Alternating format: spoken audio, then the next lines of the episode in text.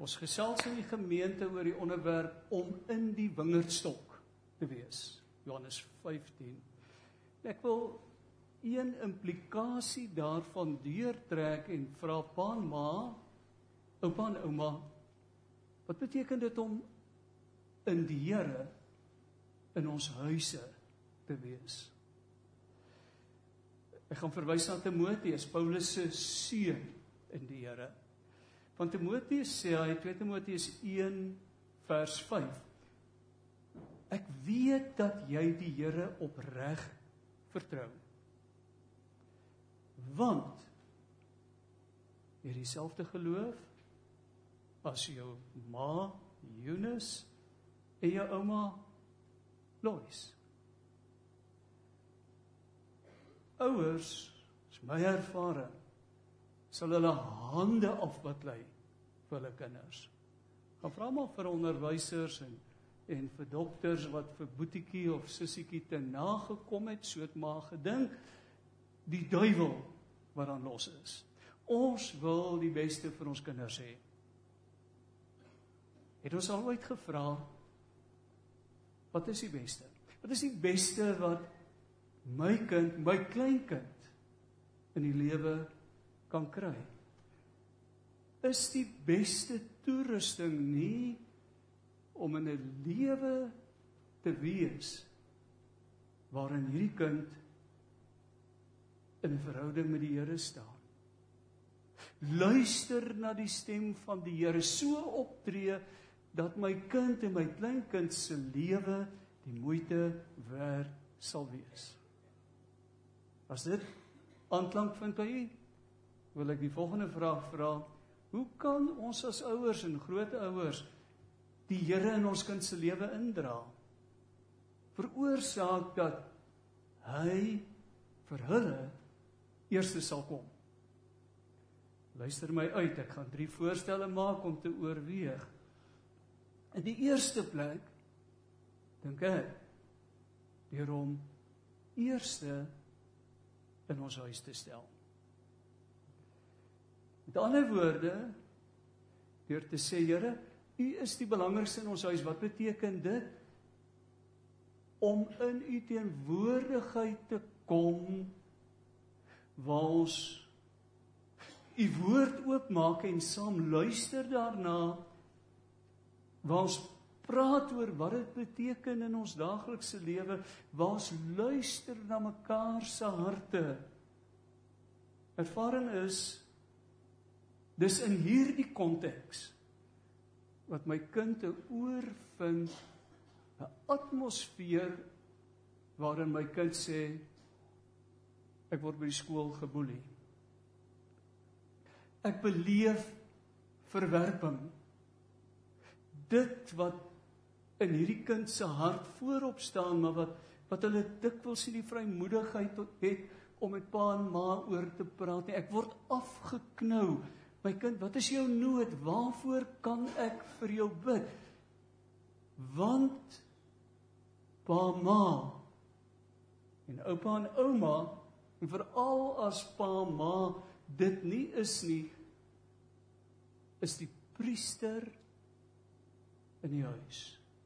Priester in die huis. Huisgodsdiens saam praat oor die Here skep 'n atmosfeer waar die Here eerste gestel word. Waar ons ons eie belange so bietjie ondergeskik aan hom stel. Waar ons vir ons kind wys televisie is nie goeie kinderoppasser alleen nie my kind dis nie 'n manier om jou net onder my naels uit te kry nie ons skakel ook die televisie en sosiale media af om mekaar in die oë te kyk. En om met mekaar te praat oor wat regtig saak maak. Suur waar ek kan vertel wat die Here vir my beteken, van die teleurstellings wat ek het en die stukkendheid van my eie lewe erken, maar ook in die verband van die Here is die een wat my heel maak. Hy sê wat my staande hou. sodat hy Here van ons huise kan word sodat ons en ons kinders in die wingerdstok sal bly. Ek dink dis die praktiese implikasie of deel daarvan. En in elk geval raak dit al moeilik om as jy kwaad raak of gefrustreerd raak soos 'n heiden aan te gaan en te weet vanaand dat ek my kinders in die oë kyk en ons gaan saam bid. Ek ken die Here. Ek sien hom van kleins af in my pa en my ma. Luister wat sê 2 Timoteus 3. Paulus skryf in vers 15: Jy's van kindspeen af onderrig in die Heilige Skrif. En dit het jou die wysheid gegee om die verlossing te ontvang wat deur geloof in Christus Jesus kom. Mamma, is dit nie wat belangrik is nie? Dat jou kind dit sal kan sê, ek ken die Here. Van kleins af sien ek die Here in my oupa en my ouma se lewe, in my pa en my ma se lewe. In die tweede plek, 'n tweede voorstel wat ek wil maak. Luister bietjie. Ons moet ons kinders praat, met ons klein kinders praat. Wat hoor ons kind van hom en haarself? Van hulle waarde. Van hoeveel respek hulle by ander mense opwek.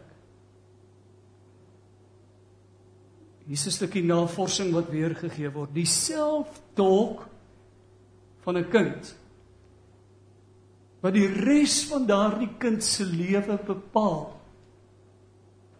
word primêr deur parent talk vasgelê.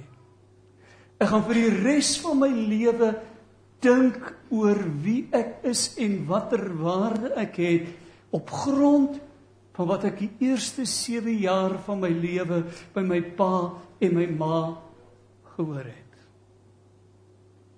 Ons breek ons kinders af of ons bou hulle op met wat ons vir hulle sê. Nou ontken ek nie. Kinders kan deksels frustrerend wees. Hulle kan vir jou irriteer tot daar waar jou naels en jou naalstene teen 'n steenmuur wil gaan skerp maak. Maar dit bly ons daaglikse keuse in ons verhoudings hoe ons met hulle praat en wat ons vir hulle sê. En omdat ons onsself as ouers sien as as God se mense, God se verteenwoordigers in ons huis, het ons 'n roeping 'n lewenstaak om ons kinders op te bou. Deur te sê ek kan vir jou nes jy is. Want dit is hoe die Here my aanvaar. Ek aanvaar jou selfs met jou swakhede. Die slegte gewoontetjies. Want dis hoe die Here met my maak. En ek het gevind die blote feit dat ek in die Here is gee my daardie nuwe waarde wat veroorsaak dat ek ook in myself glo en baie van daardie slegte gewoontes begin aflê. Ons bou op deur ons kind te wys, ek respekteer jou, ek respekteer jou siening. Ek kan ook eerlik met jou wees om te sê jy werk nou 'n bietjie op my nerve. Wees versigtig, maar ek ek ken jou as 'n mens met 'n stem. En ek wil jou aanmoedig. Ek wil jou bemoedig om meer te word wat jy is.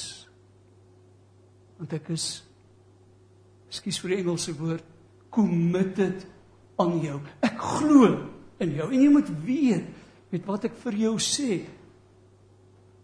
Ek is altyd beskikbaar. Ek is altyd beskikbaar. Ek wil jou die geleentheid gee om te groei. Groei in selfwaarde, maar ook groei as 'n kind van die Here. Ek luister na jou. Kyk jou in die oë. Ja, ons moeilik om in die oë te kyk as ek hier bo staan. Dit beteken dat as my kind vir my iets wil sê, al my aandag gee aan moet ek op my hurke gaan sit omdat hulle nog klein is. En sê wat jy nou vir my sê is die belangrikste ding wat op die oomblik in my lewe kan gebeur. Daarom val ek jou nie rede nie. Fokus ek op wat jy sê en ek luister as ek enigsins kan na jou hart en ek wil bepaal wat is jou nood op die oomblik. Empatie. Ek probeer myself in jou situasie stel want ek gee vir jou om jou krisisse is vir my lewensbelangrik op die oomblik. Ek vermoed dis van hierdie goed weet ons. Ek moet bely. Ek het dit nie altyd gedoen en ek doen dit nog steeds nie altyd met my kleinkinders nie. Maar kom ons leer uit ons ouers se foute. Nie almal van ons het in huise groot geword waar ons van kinds af die wysheid geleer het om die Here te dien soos dit Timoteus nie. Maar moenie die geskiedenis van jou ouerhuis in jou kind se ouerhuis herhaal nie. Dan die derde punt en ek het dalk die belangrikste vir jou laaste gelos. As jy vir jou kind die heel beste in die wêreld wil gee, gebruik daardie energie om vir jou huwelik te baklei. En pa, oupa en ouma, as jy vir jou kleinkinders die heel beste wil gee, maak dit een van die fokuspunte van jou gebedslewe. Bid vir jou kinders se huwelik. Nou oupa en ouma, wees ook daar om te luister as hulle met jou wil praat oor hulle probleme. Moet tog net nie gaan inmeng nie. Behalwe as jy hou van blou oë en uit tande. Ek dink dis die grootste geskenk wat jy jou kind kan gee. Die grootste sekuriteit. 'n Huis waar al vrede en geluk heers. Vrede en geluk. Daar's genoeg mense in ons samelewing wat die uitdagings van enkel ouerskap ervaar lyk amper asof Timoteus uit so 'n huis gekom het. Wat klei as jy in 'n huwelik staan vir jou huwelik al is dit net terwyl vir jou kind. Kom ons blaai vir oulaas nog na die woord van die Here. Maleagi 2. Die heel laaste boek, tweede laaste hoofstuk in die Ou Testament. Maleagi 2 vers 13. Hoor wat sê die profeet? Daar's nog iets wat julle doen. Julle stort trane by die altaar by die Here se altaar. Julle huil, julle kerm. Hy aanvaar nie julle offers met goeie guns nie. Julle roep uit, "Hoekom nie?" Dis omdat die Here 'n getuie was toe jy en jou vrou julle beloftes aan mekaar gemaak het. Maar jy was ontrou aan haar ten spyte daarvan dat sy as jou metgesel en vrou haar huweliksbeloftes gehou het. Ek dink ons het alle reg om dit ook om te draai en te sê dit praat nie net met mans nie maar ook met vrouens. Vers 15 het die Here dan nie man en vrou een gemaak nie, een in liggaam en gees. Hoekom het hy hulle een gemaak? Hoekom het hy die huwelik ingestel? Want God wil hê dan moet 'n nageslag uit voortspruit. Wees versigtig wat jy doen. Moenie ontrou wees aan die vrou van jou jeug nie. Die boodskap. Wie onthou nog die parafrase, die boodskap in Afrikaans? weergawe van the message vertaal hierdie laaste woorde so moenie toelaat dat jou emosies so met jou weghardloop dat jy die kosbaarste besitting wat jy het deur jou swak besluite verloor nie.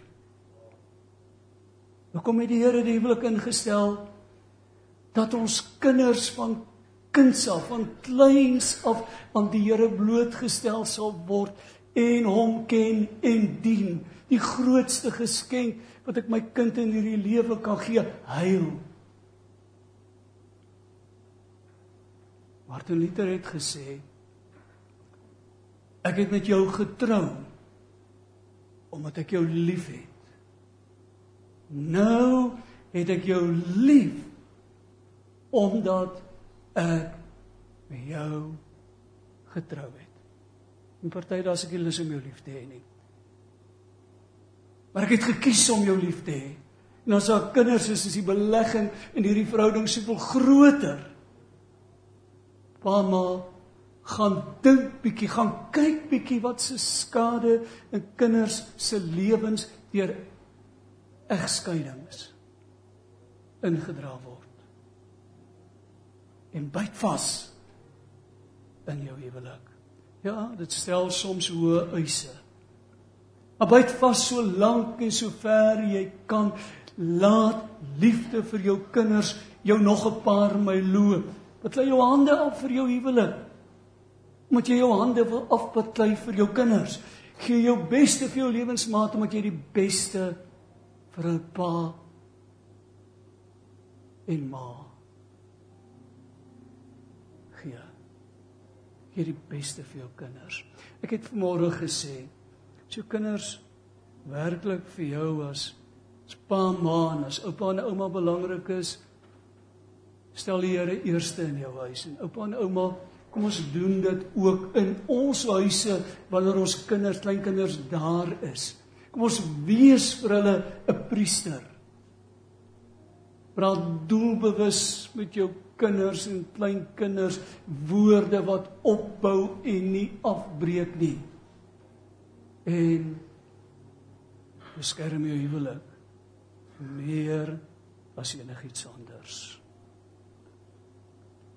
Kom ons raak 'n oomblik stil en ons sluit ons diens ook so af. Ons hemelse Vader,